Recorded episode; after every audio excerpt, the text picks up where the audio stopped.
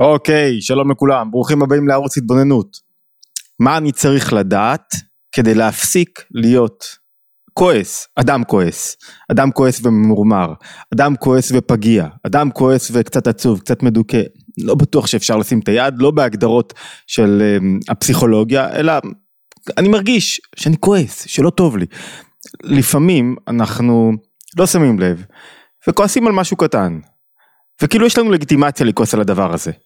ופתאום אני מרגיש שאני קצת יותר כועס, ויותר כועס, ובהתחלה ידעתי על מה אני כועס, ופתאום אני הופך להיות אדם כועס, וכועס על זה, ועל זה, ועל זה, וממורמר, ולא מרוצה מזה, ולא מרוצה מזה, ואני מרגיש שזה עוזק אותי בנפש, ואני כבר לא יודע על מה אני כועס. איך אני, איזה התבוננויות, איך אני, איזה תהליך אני צריך לעבור כדי להיחלץ ממקום של כעס. בכלל, צריך לזכור, שכשאדם כועס, אחד הדברים הכי משמעותיים שקורים לו בנפש זה שהשכל מפסיק לעבוד, או שהוא עובד בחולשה, הוא לא מספיק חזק. כשאני כועס, אני לא, אני לא מבין, את, לא רואה את הדברים בעין השכל, אני רואה את הדברים בעין הרגש, המידה משתלטת עליי בעוצמה גדולה כל כך. זה דבר שאומרים חכמים, כל אדם שכועס, אם חכם הוא חוכמתו מסתלקת ממנו. זה לא משנה אם היית מאוד חכם קודם לכן, ואם למדת הרבה דברים, ויש לך תארים, ואתה יודע מה נכון ומה לא נכון, ברגע שהמידה השתלטה, מידת הכעס השתלטה עליך, זהו, אתה כבר שבוי שלה, קשה מאוד להיחלץ ממנה. ולכן יש לנו אתגר, גם למנוע מראש את התלקחות מידת הכעס, שהיא מידה מאוד טבעית, שיכולה להתרחש לכולם, אצל כולם, וכולם לפעמים כועסים. אבל החוכמה היא לא לתת למידה הטבעית הזאת להשתלט עליי בנפש, להיות כל כך דומיננטית, לשלוט בתקופות מסוימות ואז לגרום לי, אומרים שבעלי כעס חייהם אינם חיים. הם כל הזמן לא מרוצים וכל הזמן רוצים לשרוף משהו אחר, לנצח משהו אחר, להעלים משהו אחר, לבטל מישהו אחר, לקחת ממישהו אחר את הקיום שלו, את הישות שלו, את החיים שלו, כי הם כועסים עליו, כי הדברים לא קורים כמו שהם רוצים. ואז הוא נשלט, האדם הופך להיות נשלט בידי כעסו ומאבד את חוכמתו. אז מה אנחנו צריכים לעשות? מי שכבר מכיר את השיטה של אדמו"ר הזקן, היא להחזיר את ההתבוננות, להחזיר את כוח השכל לפעולה כדי שיהיה מסוגל להחליש את הכעס. בואו ניקח מספר התבוננויות שיכולות לעזור לנו, שיעזרו לנו, מישהו ייקח אותם ברצינות לתוך חייו, יעזרו לנו להיחלץ ממידת הכעס. אולי נתחיל, אתם יודעים מה, דווקא מהבעיה הגדולה. הבעיה הגדולה שכשמישהו כועס, כתוב שמידת הכעס מביאה לידי רציחה. למה? כי הוא לא יכול לסבול שום דבר שהוא נגד רצונו. כל מה שקורה, אם הילדים הופכים לי את הבית זה נגד הרצון שלי, אם, ה, אם השליח לא הביא לי את הדבר, שהוא, את החבילה שהייתי צריך לקבל והייתי צריך לרדת למטה, אני כועס עליו, למה הוא לא הביא לי? שילמתי, מגיע לי. אם, אם המנה שהזמנתי במסעדה לא הייתה כמו שרציתי, אני יכול לכעוס, וזה משתנה. מגוון סיבות, הסיבות משתנות כל הזמן. בשביל אחד זה לא כל כך משמעותי הסיבה הזאת. לא אכפת לו משליח, לא אכפת לו מהמסעדה, לא אכפת לו שהוא לא קיבל את המנעה שלו, יש דברים אחרים שמכעיסים אותו. הכעס, או סיבת הכעס, משתנה. והיא תלויה יותר במה שחשוב ומשמעותי עבורי. והיא פחות משמעותית. מה שחשוב כאן, הנקודה הראשונה שעליה אנחנו רוצים להתבונן, זה כשאדם כועס, אי אפשר להגיע אליו. זאת אומרת, אתה כועס, אני לא יכול לדבר איתך. אני לא יכול להעביר לך את הנקודה, את, אי אפשר לייעץ לך, אתה לא תקבל ממני, אתה לא מוכן לשמוע שום דבר. זאת אומרת, הרבה פעמים אדם רוצה, רוצה שילכו איתו ברוך, ויחבקו אותו, וילטפו אותו, ויבינו אותו, ואם לא הוא כועס. אחי, אי אפשר. אי אפשר, אתה כועס, אי אפשר להסביר לך שום דבר. למה? כי השכל שלך חלש מדי ואתה לא תקבל שום דבר. שכל חלש במובן הזה, בדבר הזה שעליו אנחנו מדברים. זאת אומרת, צריך לזכור שכשאדם כועס, ואנחנו יכולים לכעוס מכל סיבה, כשאדם כועס, קשה מאוד להגיע אליו. ולכן ההתבוננות הראשונה היא שאתה צריך לעשות חלק מהעבודה. את או אתה, חלק מרכזי מהעבודה, להבין, באמצעות ההתבוננויות הבאות, להבין שיש לי פה, יש לי פה אתגר מרכזי, טבעי, שאני צריך להשתלט עליו, להתגבר עליו, להבין שקשה לאנשים לחדור אליי, שאני לא מצליח לקבל את המסרים מאנשים אחרים, כי הם מאיימים עליי. כל דבר הוא נגד רצוני, אמרנו אומר הרב הרש"ב, הוא מייקר את עצמו כל כך, והוא כל כך חשוב בעיני עצמו. זאת אומרת, סמנו את ההתבוננות הראשונה שתכף נגיע אליה בהרחבה יותר. כשאדם כועס הוא כל כך חשוב בעיני עצמו, הוא כל כך יקר בעיני עצמו, מה שאני רוצה. ואיך שהדברים שאני רוצה, ושהבית יהיה כמו שאני רוצה, ושהדברים יתנהלו כמו שאני רוצה, וזה לא משנה אם זה בעבודה, בצבא, בבית, בעסקים, במפגשים החברתיים, בכל דבר כשאני כועס, הדברים לא נעשו כמו שאני רציתי, ולכן זה יכול להביא אותי לידי רציחה, לא בהכרח רציחת נפש, אלא זה שאני מספיק מהיר למישהו, או, או מבטל אותו, או כועס עם עצמי, זה לא משנה מה התגובה לכעס, אם אני עכשיו מסתגף בתור, מסתגר בתוך עצמי, או שאני עכשיו בתנועה של התפרצות.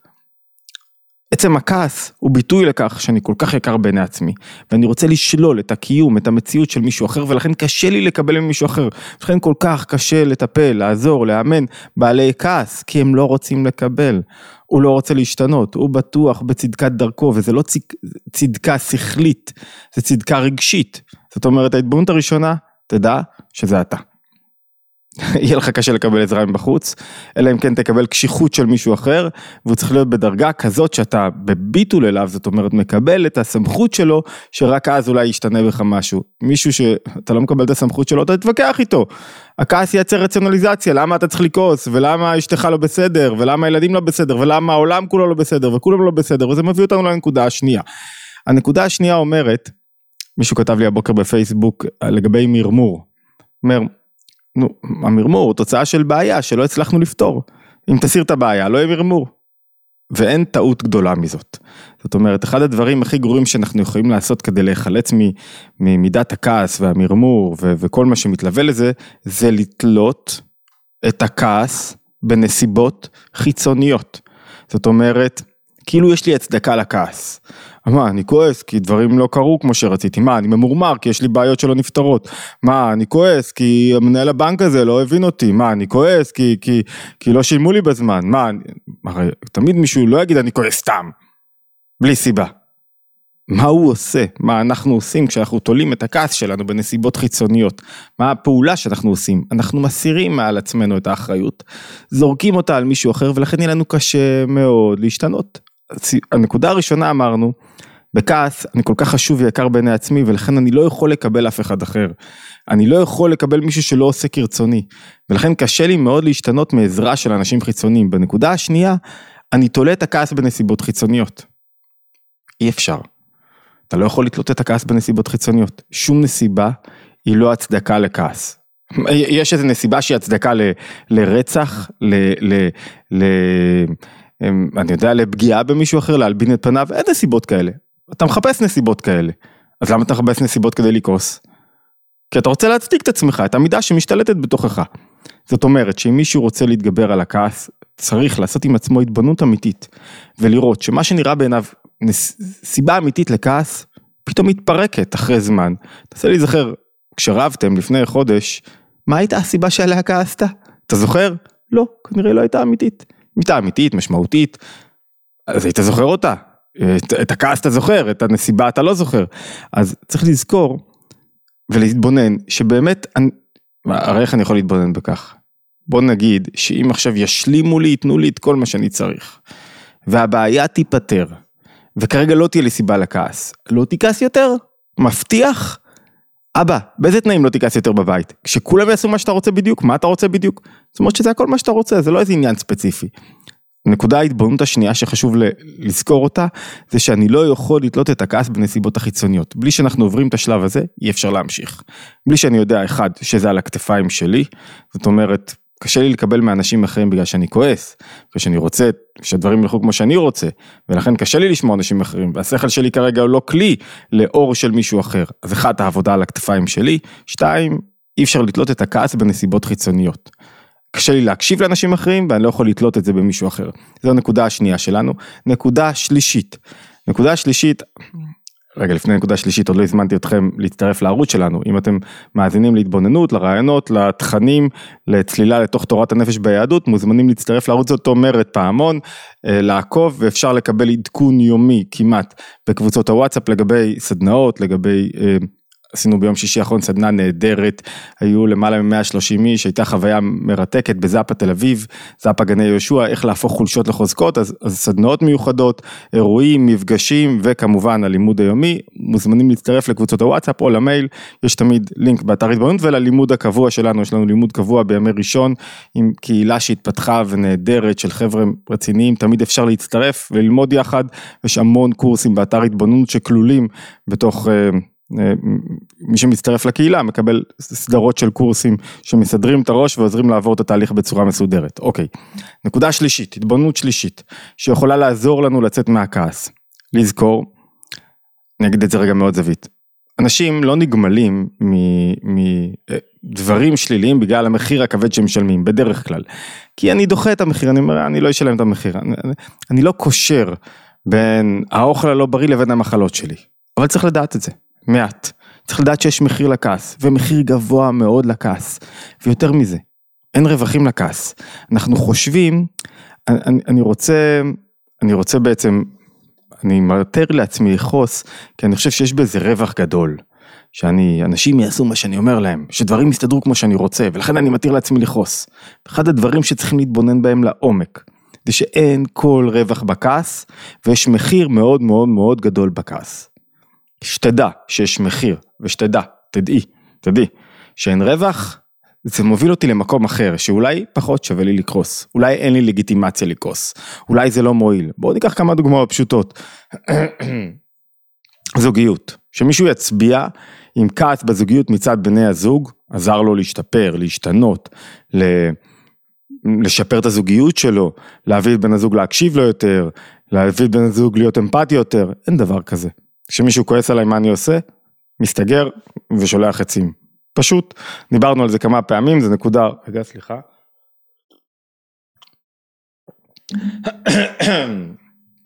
זה נקודה פשוטה מאוד. אף אדם לא רוצה שיכעסו עליו. נכון לגבי גם אה, הורות.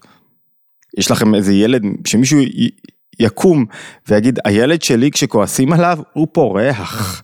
כשכועסים על הילד שלי, הוא עכשיו עושה מה שאני אומר לו. הוא עכשיו משתף פעולה והוא מנקה את הבית והוא עושה את כל המשימות כמו שצריך. אני לא נתקלתי בדבר כזה. אני מניח שגם אתם לא נתקלתם בדבר כזה. כשילד כועסים עליו, הוא מאבד את הערך העצמי שלו. הוא מרגיש שרוצים לשלול את הקיום שלו. הוא מרגיש שאין לו מקום, או שהוא מורד. מתרחק ושם גבולות, ובורח. לא רוצה להיות במקום הזה. אף אחד לא רוצה להיות במקום של כעס. למה? כי במקום של כעס, בעל הכעס משתלט על כל הזירה. משתלט על כל המרחב. הוא רוצה מה שהוא רוצה. אין לו משאיר מקום לשום דבר אחר. אף אחד לא רוצה להיות במקום שבו משתלטים על כל המרחב מרצונו החופשי. תחשבו, חייל בצבא ירצה לעבוד תחת, יסמוך על מפקד שהוא בעל כעס. מה, כעס הוא מניע טוב? כעס הוא המניע הכי גרוע שיש. אז כעס פוגע בזוגיות, פוגע בסביבה שלי, מעסיק. יש המון ביטויים, אני לא אכנס אליהם כי פעם העברנו שיעור על כעס, אני יודע שאנחנו מעלים הרבה תכנים, אבל גם אם דיברנו על זה לפני שנתיים או שלוש, אמ, אז אני לא רוצה לחזור למקורות, אבל יש ביטויים מאוד קשים של כמה כעס פוגע בפרנסה, וכמה כעס, רבי נחמן מבטא את זה, בעלי כעס, הוא אומר ככה, הוא אומר, אמ, לא חושב שהבאתי את ה... את ה אבל הוא אומר את המקור שלו, למדנו אותו פעם, את הציטוט מליקוטי מוהר"ן, שיש דבר אחד שפוגע בפרנסה, זה כעס. ברמה הפשוטה, עוד לא נכנס לרמה המיסטית, ברמה הפשוטה, כשאתה כועס, העובדים ראש קטן, לא רוצים לעבוד איתך, אף אחד לא רוצה להיות בצוות שלך, אף אחד לא כיף לו לעבוד עם מישהו שהוא בעל כעס, מתרחקים ממך. אין שום היבט חיובי שתוכלו למצוא בכעס במקום העבודה שלכם. להפך, הממון שלך מסתלק כי כל איך שאתה רוצה, אתה לא רוצה לראות הזדמנויות, אתה לא פותח את העיניים.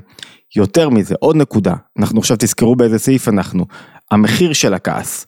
כשאני כועס, אני מאבד את השליחות שלי. אני מאבד את מה שצריך ממני בעולם. אני מאבד את ה... את ה... רגע, מה נדרש ממני? אני לא מזהה. הכל מה אני רוצה. לא מה אני יכול להביא לעולם, לא איך המוצר שלי יכול להתפתח, לא איך אני יכול להביא יותר טוב לעולם, יותר אור לעולם, הכל מה אני רוצה, והדברים לא קורים כמו שאני רוצה. לכן, אנחנו מנסים לשכנע אתכם על ידי זה, לפעמים מישהו צריך להשתכנע שאין רווח בדבר מסוים כדי לא לעשות אותו. לא רק שאין רווח, יש נזק גדול, פגיעה גדולה בכל התחומים. ואולי אחד התחומים המשמעותיים ביותר זה שאדם אה, מאבד את האמונה שלו. אומרים חכמים, כל הכועס כאילו עובד עבודה זרה. למה? כי יסוד היסודות ועמוד החוכמות של אמונה בבורא, שהבורא בורא כל רגע מחדש ובורא אותו בשבילך. זה יסוד, אי אפשר, צריך להקיף את זה מכל כך הרבה היבטים, ולכן כל רגע מדויק עבורי.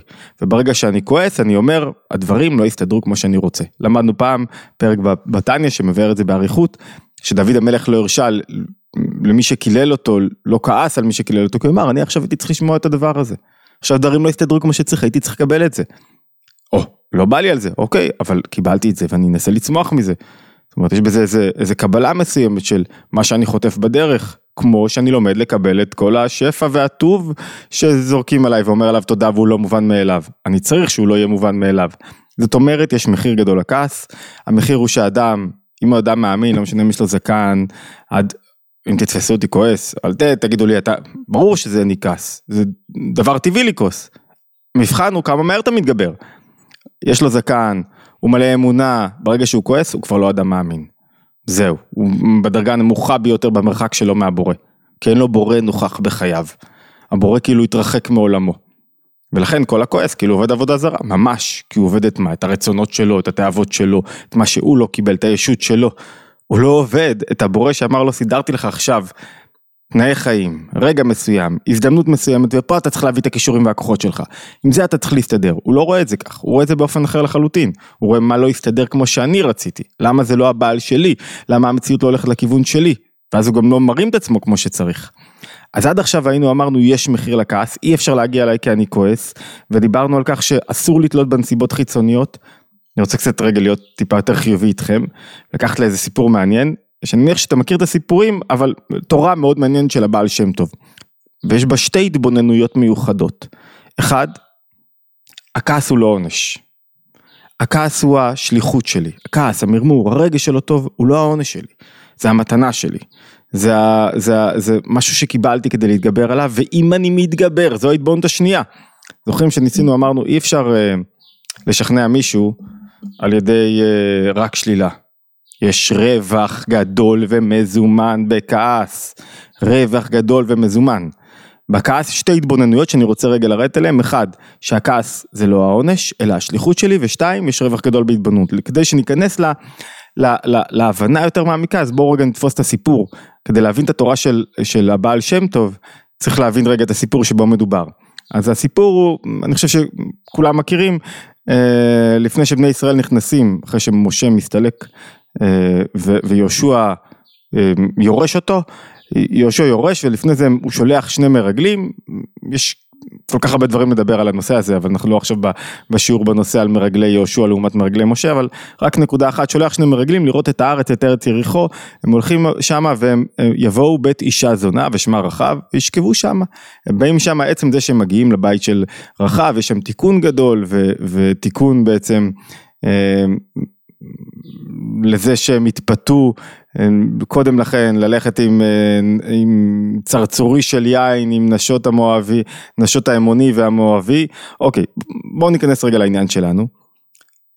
הם מגיעים שני המרגלים לביתה של האישה הזונה. ו... ושם היא מצילה אותם בסופו של דבר, היא מסתירה אותם, מלך יריחו מחפש אותם, מסתירה אותם, ואז היא משביעה אותם שהם יצילו אותה חזרה כשהם יכבשו את יריחו, ואחרי שהם, אני מתאפק ממש לא להיכנס לכל כך הרבה פרשנויות, והם, וכשהיא מצילה אותם, היא אומרת, תזכרו אותי כשאתם כובשים את הארץ, תצילו אותי, זהו, מצילים אותה חזרה. מי הייתה אותה רחב? מי הייתה אותה אישה? זונה. רש"י אומר, כשכתוב אישה זונה, תרגם יונתן פונדוקיתה. פונדוקיתה, פונדוק, מוכרת מיני מזונות. זונה, זה לא זונה באמת, זה לא פרוצה, זה לא אישה שמוכרת שירותי מין תמורת כסף. מה פתאום, זה אישה שמוכרת מזונות. כמה פסוקים לאחר מכן, הוא כתוב, ומספרת רחב לשני המרגלים, אומרת לה, להם שמענו את אשר הוביש השם את מי סוף, מה שהוא עשה ואת יציאת מצרים, שמענו את כל זה ונמס לבבינו, ולא קמה עוד רוח באיש מפניכם, אף אחד לא קמה עוד רוח באיש מפניכם, אז מה רש"י מפרש שם? לא קמה עוד רוח באיש, אף אחד לא, מרוב ששמענו מה שקרה איתכם, אפילו לשכב עם אישה אף אחד לא יכול. אמרו, מביא רש"י, אין לך כל שר ונגיד שלא בא אל רחב הזונה. ובת עשר שנים הייתה, הייתה כשיצאו ישראל ממצרים, וזינתה כל ארבעים שנה. לפני כמה פסוקים זה מוכרת מזון, יש לה סופר רמי לוי. עכשיו, אוי, שזה מה הגבלה, יש לה סופר. ואחרי כמה פסוקים, פתאום עכשיו אישה פרוצה שלא היה כל שר ונגיד וכולם יודעים, זה אחת הסיבות שהם הגיעו, אומרים חכמים, אחת הפירושים שהגיע, שבגינם הגיעו המרגלים דווקא לביתה של רחב, כדי, כי היא הכירה את כולם, כולם היו מגיעים אליה. ודווקא בגלל זה הם באו לשמוע ממנה קצת על מה שקורה ביריחו. ועל זה מוסיפים עוד חכמים ואומרים שהיא הייתה בת 50 שנה כשהיא יצאה במסכת זבחים, שהייתה בת 50 שנה כשבני ישראל כבשו את יריחו, ו... ועשתה תשובה, ושינתה את דרכה. ואומרים שארבע נשים יפהפיות היו בעולם, שרה, אביגיל, רחב ואסתר. רחב אחת, רחב אחת הנשים היפות ביותר בעולם, ולא רק אחת הנשים היפות ביותר בעולם, אומרים בגמרא שמי שהיה אומר את השם שלה פעמיים וראה אותה, כאילו היה קופץ לדמות יופייה, מיד היה סובל מזרע לבטלה. איך אפשר לפשר בין שני התיאורים הללו של רש"י מצד אחד בעלת פונדק מצד שני מה שתיארנו קודם לכן. פה אנחנו מגיעים עכשיו לעניין המרכזי שלנו, אה, לתורה של אה, הבעל שם טוב. לפני התורה תחשבו לעצמכם רגע. 40 שנה זנתה. אחרי, אני לא נכנס לכל הסיפור, אחרי זה כשישראל כובשים היא עושה תשובה, מתגיירת ומתחתנת עם מי? עם גדול הדור, עם המשנה, עם, ה, עם היורש של משה רבנו, יהושע. היא הופכת להיות אה, אה, נשואה ליהושע ויוצאים ממנה צאצאים, נביאים, ואחד מהנביאים שיוצאים ממנה זה יחזקאל.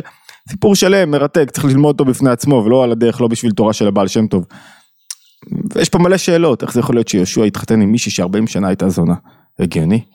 וואו, תחשבו מה זה. יש פה מסר מאוד חזק, שאפשר לשכוח את העבר ואפשר לתקן את העבר על ידי שינוי, על ידי תשובה, אבל לא על זה אנחנו רוצים לדבר עכשיו. רוצים לדבר רגע על התורה של הבעל שם טוב, שאומר ככה, עיקר בריאת האדם בעולם הזה הוא מביא מרבי סעדיה גאון, לשבר מידות רעות שלו, טבעיות. אומרת, האדם בא לעולם, זו השליחות שלו, לשנות את טבע המידות שלו. ואם יש לו נטייה, לכל אדם יש נטייה למשהו. אומר, אם יש לו חמימות, הכבד, להיות כעסן, יש לו נטייה להיות לכעס, אז הוא ראוי לשבר את מידת הכעס. ואם יש לו נטייה ל...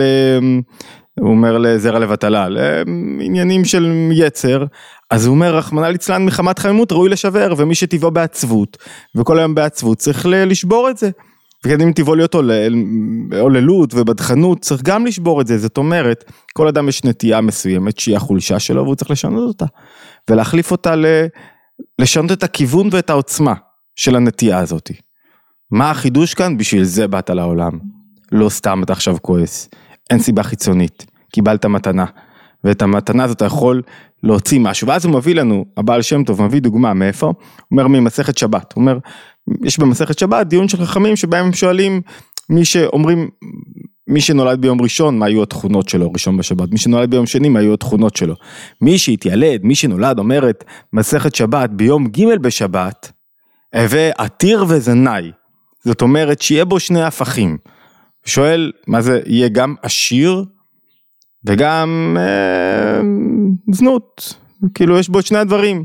גם נטייה ליצר ול, ולדברים שהם לא ראויים וגם יהיה עשיר. ושואל הבעל שם טוב, קשיא, אה, הם שני הפכים? איך זה יכול להיות?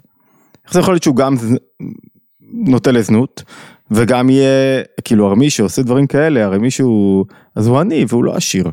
מי שמוכר את הגוף שלו בשביל מין. אז הוא עני ולא עשיר, אתה עשיר, לא צריך למכור את הגוף שלו בשביל, בשביל כסף. זה אומר, אה, עכשיו אתם מבינים את הפירוש של רש"י, את שני הפירושים הסותרים לכאורה. אם אדם נולד עם תנועה מסוימת, עם נטייה מסוימת, וזה מה שהוא עשה במשך 40 שנה כמו רחב, אבל הצליח להתגבר על המידה שלו וליצור שינוי, וואו, איזה רווח הולך להיות לו.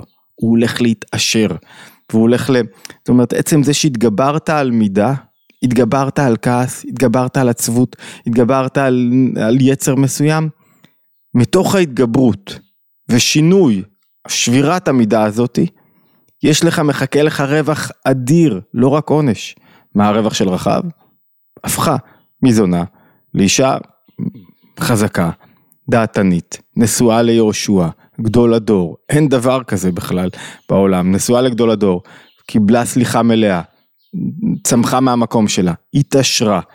מה אומר, מה אומר הבעל שם טוב? אתה רוצה להתעשר? שבור את המידה שלך. למה? כי אז בעצם גילית משהו אחר, אתה לא מתנהל, אתה לא מנוהל על ידי העולם הרגשי שלך, אתה לא מנוהל על ידי הכעס. מה אנחנו אומרים כאן? יש רווח גדול מאוד בזה שתצליח, לא רק מה הפסדת, יש רווח גדול מאוד בזה שתצליח להתגבר על מידת הכעס. והרווח מחכה לך מעבר לפינה, רק תתגבר על המידה שלך. זה השליחות שלך, אל תפחד. לא באת להשיג איזה הישג, באת להתגבר על המידה. ואתה תראה שהבית שלך ישתנה, הזוגיות תשתנה, היחסים ישתנו, כאילו, צא לעבודה, זו התבוננות מאוד חשובה. להפקיע את הרווח כאילו מהכעס ולהחדיר רווח בהתגברות על כעס. להפקיע את הרווח מזה שאני מתמכר למשהו ולהחדיר רווח בחיים עצמם, בחיים האמיתיים. עוד התבוננות, אני חושב שישית אם אני לא טועה. מה אומר כעס בסופו של דבר? כמו כל מידה שמתגברת, שיש הרבה אני. מה איתי? אני לא קיבלתי מה שרוצים, אנשים לא שומעים לי, לא מקבלים אותי, לא מעריכים אותי, דברים לא כמו שרצו כמו שצריך, וזה לא משנה במציאות החיצונית. תחשוב, שב עם עצמך, לחשוב על כל הדברים שבהם אתה, מצ... הדרכים שבהם אתה מצמצם את עצמך, את הרצונות שלך, את מה שאני כל כך רוצה, תמצא רצון אחד, ועליו תגיד, אוקיי, על זה אני משקיע את עצמי. שלא כל דבר יהיה חשוב בעיניך, וכל דבר יקר בעיניך, ועל כל דבר אתה רוצה עכשיו להשקיע את כל כולך, וכל דבר אתה מוכן להילחם על כולם ולכעוס על הכל. תנסה רגע לצמצם, ככל שתצמצם תראה שאין הרבה סיבות לכעס, ותראה שככל שאתה מתמקד במה מה אתה באמת רוצה? אתה רוצה לחיות את החיים, אתה לא רוצה להיות אדם כועס. אתה רוצה לגלות את הכוחות שלך פה, אתה רוצה להביא אור. לא יודע, זה, זה, זה סתירה, אתה רוצה זוגיות טובה, אתה לא יכול להיות אדם כועס. כאילו הכעס הורס לך את הזוגיות, אתה רוצה להיות הורה טוב, תבחן באמת מה אתה רוצה. זה לא עובד עם כעס, אתה הורג לילדים שלך את הביטחון, את האמונה שלהם בעצמם, את היכולת שלהם לחיות. ונקודה התבוננות אחרונה, כל התבוננות פה צריך לפתוח עוד קצת. אני, אני בדרך כלל מעלה התבוננויות כתוצאה משיח עם אנשים שמעלים שאלות, ו, וזו נקודה שחוזרת על עצמה הרבה, וההתבוננויות פה נועדו כדי שנפתח אותם. התבוננות, התבוננות זה לא אתה מקשיב לי אומר הכל, אתה רושם, שואל איפה זה בחיים שלך, איך זה נוגע, נקודה מאוד חשובה, נקודה אחרונה, יש כוח בנפש שמפורר את הכעס, כשיטתו של אדמו"ר הזקן, כוח תענוג, שאתה פתאום מוצא אור גבוה יותר בחיים שלך. זאת אומרת, הרי ככל שמישהו יותר נעלה, ככל שהוא יותר מרים את עצמו, ככל שהוא יותר עוסק עכשיו בעניינים גבוהים, מה עכשיו שייך כעס, מה אתה מדבר, מה, מה, כאילו עכשיו אני לומד משהו חשוב, מה אכפת לי איזה קפה תביא, תביא, מה, אל תביא, כאילו מה עכשיו יש לי לכעוס על, על הפסדתי כמה שקלים, לא, אני עכשיו בעניין גבוה יותר, אני מכבד מישהו, בא אליי מישהו גבוה, חשוב, משמעותי, נכנס אליי, אני לא עוסק עכשיו בשטויות, אני לא רב כמו ילד מול אשתי לפני האדם החשוב שהגיע אליי עכשיו בדלת, תרים, תרים כל רגע בחיים, זה נקרא מידת ההתנסות, ת, ת, תפורר את הכעס על ידי זה, תפוררו את הכעס על ידי זה שאתם מכניסים חשיבות גבוהה יותר לחיים ולא לעניינים הקטנים, לרצונות הקטנים. תגביהו רגע יותר את ה... את ה, את ה העליתי איזה, איזה נקודה שהיא חשובה, אני חושב, בקצר. אמ, כתוב בזוהר שכדי להגיע לגן עדן, לחיות בגן עדן צריך לטבול קודם לכן בנהר דינור. נהר דינור זה נהר של אש. השאלה היא, שואלים, שואל הרבי מלובביץ', למה צריך לטבור בנהר של אש לפני שאתה מגיע לגן עדן? מה זה התהליך הזה? והתהליך הזה כתוב בזוהר כדי לשכח, לשכוח חזו דעה דעה עלמא, לשכוח את מה, ש, את מה שעברת בעולם, את מה שראית בעולם. מה זה השכחה הזאתי? זאת אומרת, מה, מה קורה לי בעולם? בעולם אני מוטרד, שני דברים שמפריעים לי לתודעה של גן עדן. מה יהיה? איך הדברים יסתדרו? האם יסתדרו כמו שרציתי? או למה בעבר? למה לא עשו מה שרציתי? למה הדברים לא יסתדרו? שני איומים גדולים על התודעה שלי, זה שני הסתרים על הבורא, העבר והעתיד. שבעתיד יש מה יהיה, אין לי ודאות, לא יודע מה יקרה, ובעבר יש למה זה קרה דווקא לי, איך זה קרה, איך זה התרחש דווקא לי, ובשניהם, כדי להגיע לגדן אני צריך לטפל. טבילה בנהר דינור, נהר של אש, עם מעין טיפול, כאילו ביטול, שכחה של מה יהיה בעתיד, מה היה בעבר. זאת אומרת, מה זה השכחה הזאת? אני אומר לעצמי, כל רגע נברא, מסביר הרבי מלובביץ' שאין שום הבדל, וזה מדהים להבין את ההסבר הזה, שאין שום הבדל בין גן עדן לבין העולם הזה, העולם הזה הוא כולו שלם, אלא בהיעלם, בהסתר, על כוח הבורא שמקיים את המציאות. מה זאת אומרת בהיעלם בהסתר? בגן עדן כוח הבורא ניכר. בעולם הזה לא ניקח כוח הבורא, מה זאת אומרת? בעולם הזה אני לא יודע למה, למה דפקו אותי, איזה באסה, למה זה הלך לי ככה, מה יהיה בעתיד? לא רואה את הסיבה, לא רואה את כוח הבורא בנברא, לא רואה את כוח הפועל בנפעל. בגלל שאני לא רואה את כוח הבורא בבריאה, קשה לי מאוד להתמודד עם הדברים, ומביאים אותי לידי כעס. לטבול בנהר דינור זה שאני מבין שבאמת למרות כוח ההלם, למרות uh, הזיכרונות הקשים מהעבר ולעומת זה למרות הפחדים מהעתיד, אני מוחק מתגבר עליהם ואומר עכשיו הרגע הזה מדויק עבורי והוא נברא במיוחד עבורי. ואם הוא נברא במיוחד עבורי, שזה יסוד האמונה אמרנו קודם לכן, לא יכול להיות שיהיה לי פה עכשיו מידת הכעס שתשתלט עליי, לא יכול להיות לא רלוונטי. כי זה נברא עבורי ואז הכנסתי אור חדש לתוך המציאות שלי והשכר של ההתבוננות הזאת היא תענוג, ביטחון, מנוחת נפש, שיהיה יסוד של גן עדן, מה זה גן עדן? מנוחת נפש. אתה רואה וואו, הכל אלוקות, אין לך מה לכעוס, אין לך מה לדאוג, הכל אתה יודע שהכל יסתדר כמו אמן שיורד לך בדיוק לפי המידה שאתה צריך. זאת אומרת, אפשר לעשות גן עדן בתוך החיים שלנו כאן ועכשיו. איך? וואי, כמה חרגתי מהזמן, לא שמתי לב. אמ, איך אפשר לעשות גן עדן בחיים שלנו כאן ועכשיו? לטבול בנהר דינור. מה זאת אומרת? לא מאוים מהזיכרונות בעבר, לא מאוים מהעתיד, לא נותן לזה לשלוט בי. זה צץ כל הזמן, מבקש להשתלט עליי, לא נותן לזה לשלוט בי. אוקיי, טוב, עברנו על ה... יותר מדי על הזמן שלנו היום, כרגיל מוזמנים להצטרף לערוץ שלנו, לקבוצות הוואטסאפ. אמ, אה, אני יודע שזה לא סוף פסוק, צריך לעבור תהליך עם נושא הכעס, אבל זה בהחלט צעד גדול שצריכים עכשיו לשאול כל אחד את עצמו, רגע, רגע, רגע, אם אני תולה את הכעס שלי בסיבות חיצוניות, האם אני מזהה את הכעס, האם אני מבין שזה שליחות שלי וזה מתנה וזה לא עונש, כל ההתבוננויות שהצבנו כאן ועכשיו, כל אחד צריך להוריד אותם לתוך החיים שלו, ואין סיכוי שהוא לא יצליח להיחלץ מזה. זאת אומרת, לפום גם לשיחנה, לפי גב הגמל ככה הכוחות שנותנים לו. אם אתה מתבונן, כמו שצריך, ועושה עבודה, לא סתם קיבלת את זה, אתה יכול להתמודד ולנצח. אוקיי, התבוננות יומית, להשתמע בהתבוננות היומית הבאה.